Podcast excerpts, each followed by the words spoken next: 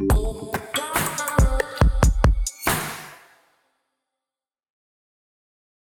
Dobar dan, dragi ljudi. Ja sam Miljana. Vi gledate specijal podcasta Snaga uma koji je posvećen našim novim digitalnim navikama i koji realizujemo uz pomoć uh, kompanije Visa koja je kao lider u digitalnom plaćanju prosto prepoznala važnost konstruktivnih i pametnih razgovora na temu toga koliko se menjamo dok klikćemo i koliko se ovaj svet promenio u poslednje vreme, a da mi to možda nismo ni primetili uh, jer se bavimo drugim stvarima.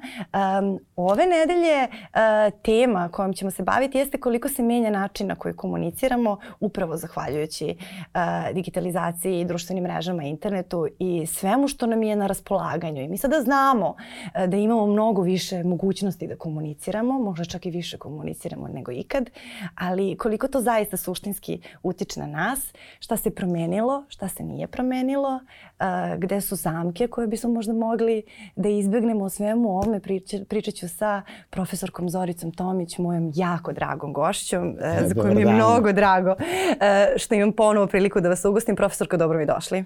Hvala što ste me pozvali, mene je uvek uživanje da razgovaram sa vama. Koliko vam je zanimljiva ova tema? Koliko su vaše nove digitalne navike nove Prvo, ili imate ovako, nove? tema je jako zanimljiva zato što mislim da nema uh, ničega aktuelnijeg danas ako izmemo naravno političku klimu u svetu. Uh, ova je tema koja je interesantna iz mnoštva uh, uglova. Kulturološki, komunikološki, psihoanalitički, psihoterapijski, sociološki, istorijski i tako dalje.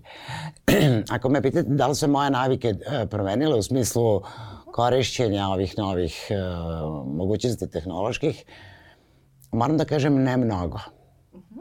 Ne mnogo zato što Uh, kao neko ko se bavi komunikacijom, ja mislim da bez obzira na sve prednosti koje imamo uz ovu novu tehnologiju, postoji nešto što nam digitalni svet ne nudi.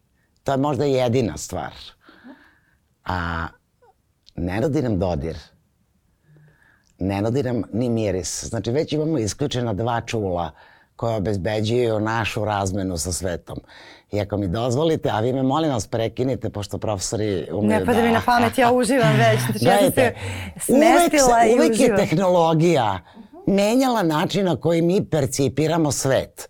Ta teza nije moja, to je teza čuvenog maršala Makluona. Sad pazite šta je uradio recimo običan telefon.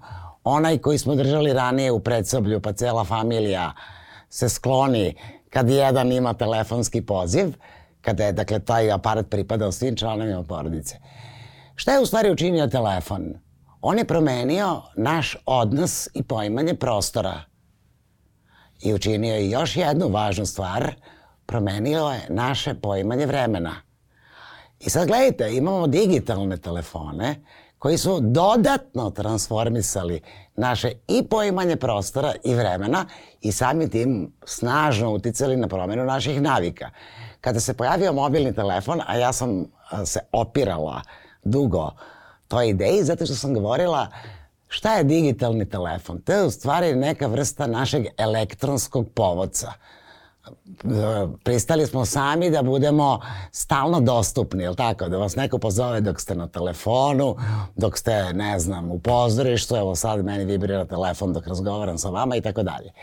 Dakle, a, mobilni telefon je dodatno promenio naše i poimanje vremena i poimanje prostora i naročito je promenio ono što, sa čime smo zapravo i počela, sa čime ste vi zapravo počeli ovaj razgovor, to je naše poimanje komunikacije. Dakle, ako imamo mogućnost da šaljemo poruke ili da razgovaramo uživo, mnogi ljudi će da, izabre, da izaberu možda što je jeftinije, ne znam, da šalju poruke. Međutim, e, tu ima jedan fenomen, tu, dakle u srcu e, mogućnosti da se da komuniciramo porukama, postoji jedan fenomen koji je jako značajan. A to je fenomen takozvane bezbedne distance mi hoćemo da primimo poruku i da šaljemo poruku zato što postoji mogućnost da se saberemo, da uh, odmerimo i reči, i način, i trenutak u kojem ćemo da odgovorimo ili nećemo da odgovorimo. Ali bezbedna distanca je ipak distanca. I zato sam ja e, na svom ovom profesionalnom Instagram profilu i objavila nešto u tom smislu. Rekaži, ako vam je stvarno stalo do nekoga, nastojte da čujete nečiji glas. Jer glas je najeteričniji deo našeg telesnog postojanja. Glas je deo našeg tela i nije naravno samo deo našeg tela. Glas je uvek svedočanstvo o nečim prisustvu. Kad slušam vas, vi ste mi tu, ja mogu da vas snimim, pa ćete mi opet biti tu i zato je muzika toliko zavodljiva. Nečiji glas, slušamo vaš podcast, se sluša i 15 dana pošto ste ga emitovali i tako dalje. Dakle, e, u vreme korone, kao što ste rekli, sve se dramatično promenilo i to je u velikoj meri olakšalo rad u nekim uh, sferama života. Naprimer, mi smo na fakultetu, nama je bilo preporučeno da držimo online nastavu kako studenti ne bi uh, gubili uh, vreme, jeli? I to je funkcionisalo do izvesne mere. Pa ste ni jedna stvar koja se tiče uh, tehnike, posebno ove nove i digitalne, nije isključivo ni fenomenalna, niti je isključivo za odbaciti. Evo ja kažem, studenti su imali mogućnost da ne gube nastavu. Ali šta se meni dogodilo? Da se prijevi ne znam koji broj studenta ili na čas i posle par minuta krenu da isključuju kamere i mikrofone i onda ja u jednom trenutku ja vidim da ja govorim sama i uh, sama sebi. Nemate povratnu reakciju. Ne, nego odu. Oni da, se da, prijave da. i odu. Prema tome, dakle, tu ima sad mali milion fenomena, ali da se vratim na početak, nova tehnologija u velikoj meri olakšava život. To ne možemo da prenebregnemo. Da li se tu pojavljaju novi fenomeni koji se tiču, dakle, kao kulturni, kao uh, fenomeni koji se tiču komunikacije? Apsolutno da. A, a šta vam je tu najupečatljivije? Meni je sada dok ste, dok ste govorili toliko toga palo na pamet. Neke stvari su u toj koroni, baš zbog toga što smo bili obavezni da, da funkcionišemo digitalno, su se raskrinkale kao potpuno prevaziđene. Pa je tu onda uh, pojavila se ta teza, evo sada znamo da ono što, zbog čega su se nekada sazivali sastanci i ljudi dolazili, sedeli po dva sata u firmama, da je moglo da bude mail. Jer je tokom korone moralo i, i zaista neke stvari su se ubrzale, što u suštini jeste dobro. Jeste, ali sa druge strane... Ali opet s druge strane. Ali s druge mm -hmm. strane, u živom kontaktu imate interakciju koja je ipak o, sagled, sagledivija, da tako kažem. Ovde imate samo jedan segment na, na online sastanku, samo jedan segment lica, samo jedan segment čitavog tog komunikativnog korpusa, što je možda dobro, možda loše. Ja tu ne bih da se opredeljujem sada. Da se nešto raskrinkalo kao višak, da, ali da su se pokazali manjci, da se nešto pokazalo i kao manjak, i to je tačno. Znate, ako, ako bismo sve zamenili tom digitalnom formom, o, o, ključno pitanje bi bilo šta je sa našim odnosima, sa, našom, sa našim relacijama. Znate, mnogi ljudi su se strašno uh, u fazi korone uplašili i posljedica toga je da su prestali da se druže. I sad više nema korone, a ljudi su ostali sa tim navikama da se ne druže. I to je suptilno neko, na neki način, ja, što sam više razmišljala o ovoj temi, sve mi je bilo jasnije do koje mere te suptilne stvari su mene, na primjer, promenile a da nisam ni primetila. Na primjer? Pa, pa, pa ovo što sam vam rekla, recimo, ne znam, meni je ranije, ranije to plaćanje, uh, popunjavanje uplatnice bilo strašno stresno, razmišljala sam o tome tipa 5 dana unapred, pa kao prokastiniram da, da platim zato što me strašno smara da popunjavam uplatnice. Sada, recimo, toga više uopšte nema. Ja nisam primetila da toga nema. Ja nisam zahvalna, recimo. Nisam ni jednom trenutku osetila zahvalnost što sad mogu samo copy-paste račun i te neke stvari. Onda u komunikaciji to je nekoj svakodnevnoj Uh, nekad nemam vremena da se čujem sa nekim, ali meni stvarno jedan emotikon znači, jer kad osobu stvarno znam, ja znam i šta taj emotikon znači. Da, tako je. I nije isto da li ćete smajli da mi pošaljete vi ili će moja mama da mi pošalje ravan smajli, ona ako mi pošalje ravan smajli, ja znam da je to, ne, da je to nešto ozbiljno, znači kao da smo pričale pola sata, sve mi je jasno. Ili da mi ne odgovori na poruku ili tako nešto. I to opet kao od koga dolazi, koji je taj kod i koliko, sad recimo sad već sa nekim vremenom kako duže razgovaramo, uz posredstvo tih poruka i svega toga, koliko mi značenja pridajemo tome, a da uopšte nismo toga Tako je, pa dobro, da. mi nikad nismo zahvalni tehnologiji, uvek mm. mislimo da nam nekako pripada. Da, Znate, da. i točak, i telefon, i šporet, i klima, uređaj, i naravno i elektronsko plaćanje, i kartice, i tako dalje. To je sve normalno jer mi se pr prosto rađamo u jednom tehno okruženju koje smo mi zatekli. Umeđu vremenu se pojavljuju nove stvari i naravno da je naše interesovanje ka novitetima u tom smislu sasvim prirodno i ono je i opravdano. Ali postoji jedna stvar na koju bih htela da skrenem pažnje vašim uh, gledaocima, a to je da se uz novu digitalnu tehnologiju promenila komunikativna praksa. Znači, s jedne strane, kao što bi rekao Irvin Welsh, E, kad vidite ljude s mobilnim telefonima e, kako pričaju na svakom mestu, u redu, u banci, u pošti, u prevozu i tako dalje, svi deluju kao e, ranije što su bili oni dispečeri e, telefonski koji sada Da, tu da, raspredaju da. nekim stvarima, ali sa druge strane postoji još jedna a, opcija koja je za mene fascinantna, a to je da vi ne morate da se javite kad vam zvoni telefon. Možete da jednostavno i odbijete poziv i možete da ga stavite na tiho da vam ne zvoni i jednostavno da se pravite kao da ništa, kao da se ništa nije desilo. I sad, e, u tom smislu bih rekla da je to ta vrlo značajna pe- pedagoška funkcija koju nosi recimo mobilni telefon. Zamislite da nema mobilnih telefona, koliko bi puta roditelji svoju decu zvali kad počnu da rade negde. Hoćeš na ručak, šta da ti kuvam i tako dalje. Sad s mobilnim telefonima mogu da zovu do prek sutra, ako postoji opcija da se ne jave, neće se javiti. I znaš ko te zove. I znaš sve, ko te da. zove, ali jednostavno uh, u tom smislu postoji ta opcija, varijanta koja se zove to informa kontrola informatičkog okruženja. To daje i kompjuter, ali daje naravno i mobilni telefon i to je stvar koja nije loša. Kad su bili obični telefoni, zvoni telefon, ustanete pa ne znate ko vas zove. Ovde znate ko vas zove i možete da izaberete da se javite, ne javite, da odložite reakciju i tako dalje. E, I to je strašno zanimljivo. E, Sad e, da se samo nadovežem na ovu temu. Kao, svi primećujemo koliko imamo novih mogućnosti. Ali nisam sigurna koliko radimo na tome da njih zaista iskoristimo i da zaista ono što je suština komunikacije, a to je razumevanje i povezivanje, da to stvarno podignemo na drugi nivo.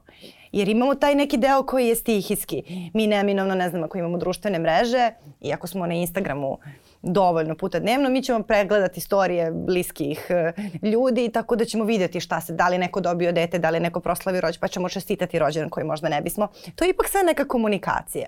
Koji imamo svest u malom mozgu o nekim ljudima za koje Pa ne nije bismo. to komunikacija, da, dozvolite mi da intervenišem. To je u stvari samo, um, kako bih rekla, mi postajemo dostupni za ono što ja nazivam informatičkom bukom. I zapravo je novi tehno-univerzum od nas, polako nas pret, pretvara u neku vrstu e, poluprovodnika, e, proteinskog poluprovodnika, mi u stvari prestajemo da komuniciramo i postajemo komunicirani. A, znači, kao da nam se svojstvo, mogućnost da budemo subjekti komunikacije postepeno oduzima i mi postajemo e, cilj, meta do koje treba da stigne neka informacija. Znači, kad vi otvorite Instagram, pa krenu da vam se ređuju nečiji istoriji, nečiji, vi to ni nećete možda, ali neko stigne do vas. Ima tu mnoštvo fenomena. Jedno je to da na, nas uvek e, provocira i radi zapravo radoznalost kad je neki novum u pitanju, kad je nešto novo.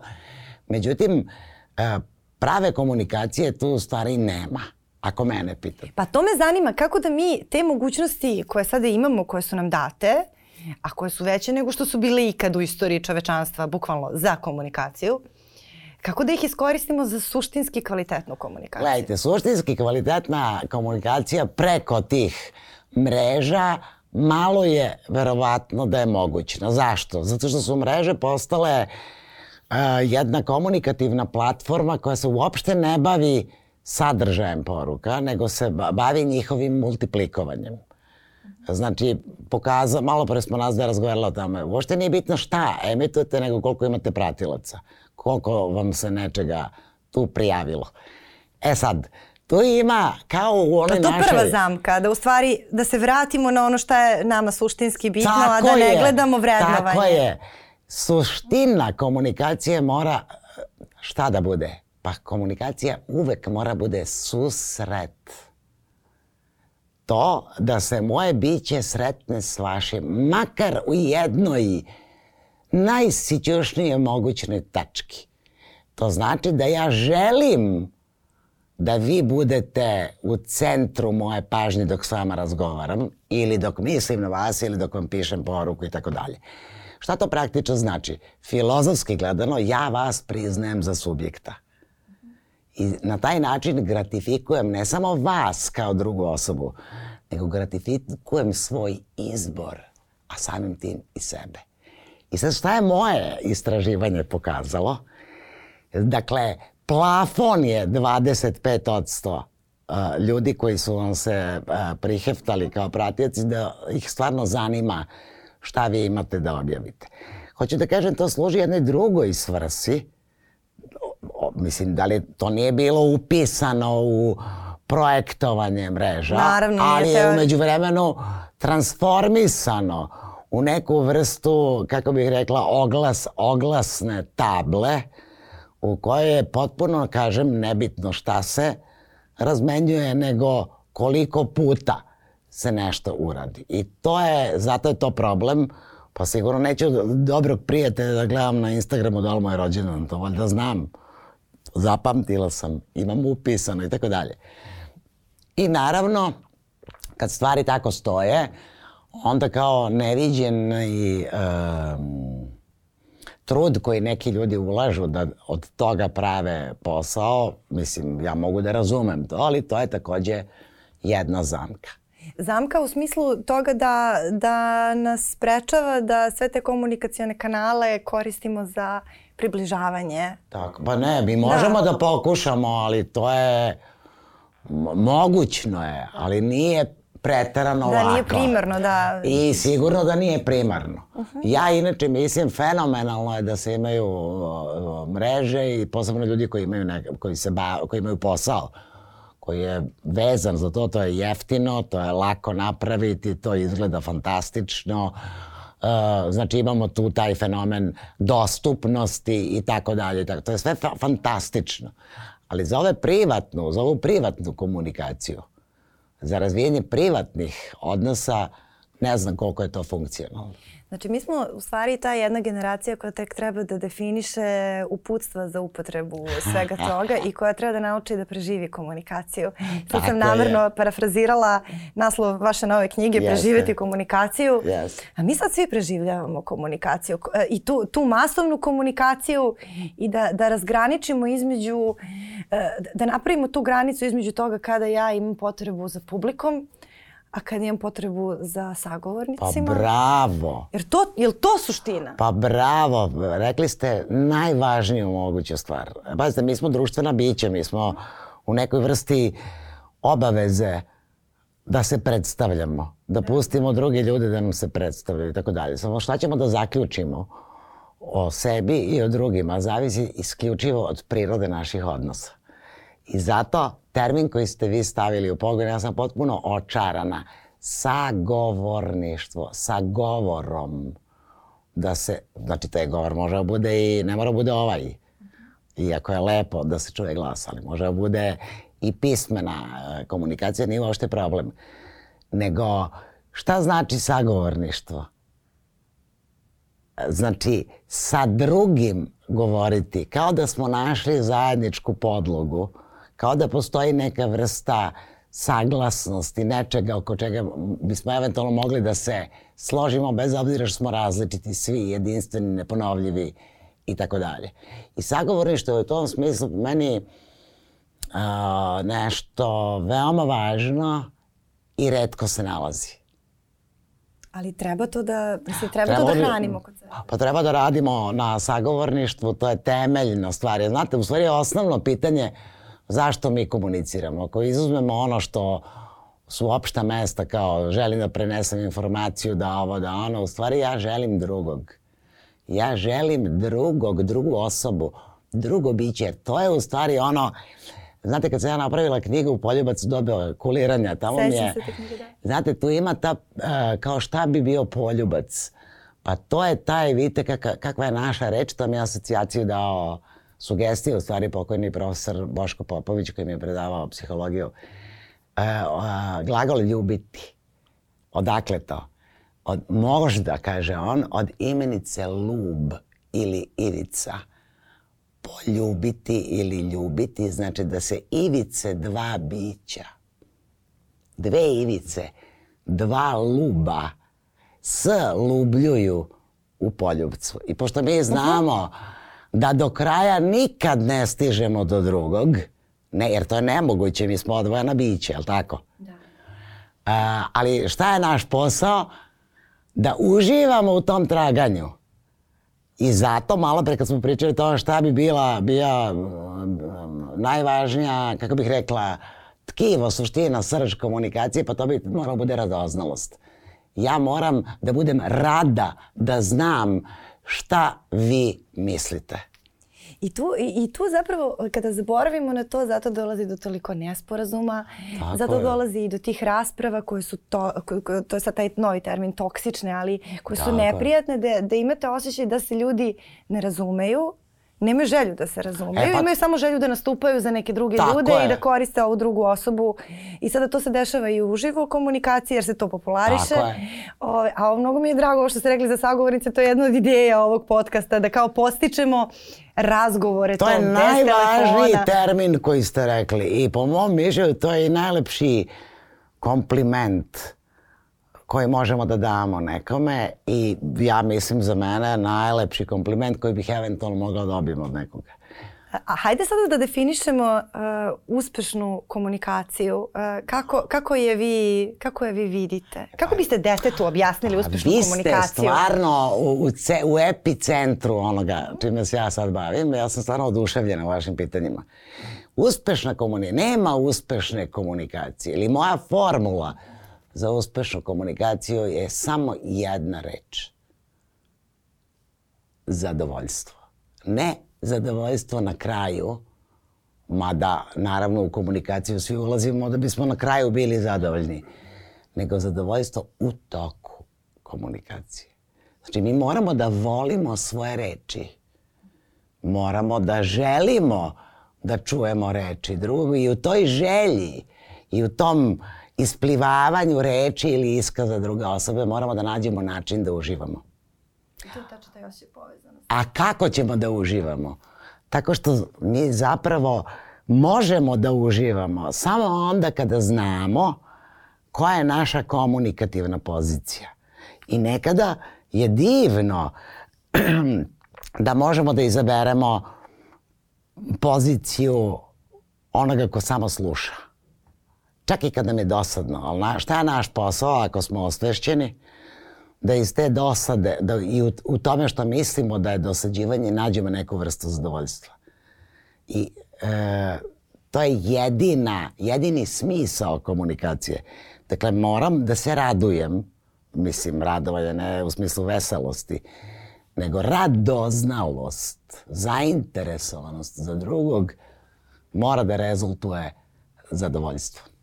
I tačno, tačno je to taj osjećaj sad e, kako ste, kako ste to izgovorili, tačno su mi kroz glavu prošli svi ti razgovori u kojima sam imala. To je zaista taj neki osjećaj povezanosti sa drugom osobom, e, kada vas zanima sve što će ta druga osoba reći i kada to što ona kaže hrani i teze i dolazi se do novih e, saznanja, do novih razmišljanja i to imam i u prepiskama i u, uopšte mi nije, ali recimo kada se dopisujem tako, imam nekoliko sagovornika sa kojima volim da se dopisujem. Naravno. I mnogo puta mi je palo na pamet, bože, ovo bi bio neki je, ovo je epistolarni roman. Tako je. Kada pogledam tu prepisku i vraćam se na njih, jer su to razgovori o smislu i tako dalje, ljudi koji se, koji se bave pisanjem, ali to nije ono kao sad dopisujemo se ja jednom rukom kuvam, da. drugom rukom peglam, trećom rukom radim jogu, a četvrtom rukom se dopisujem. Ali vidite, da li ste mi sada... Nego sednem Da. i, o, i, i, i ta druga osoba sedne i mi razgovaramo i, i to po, prosto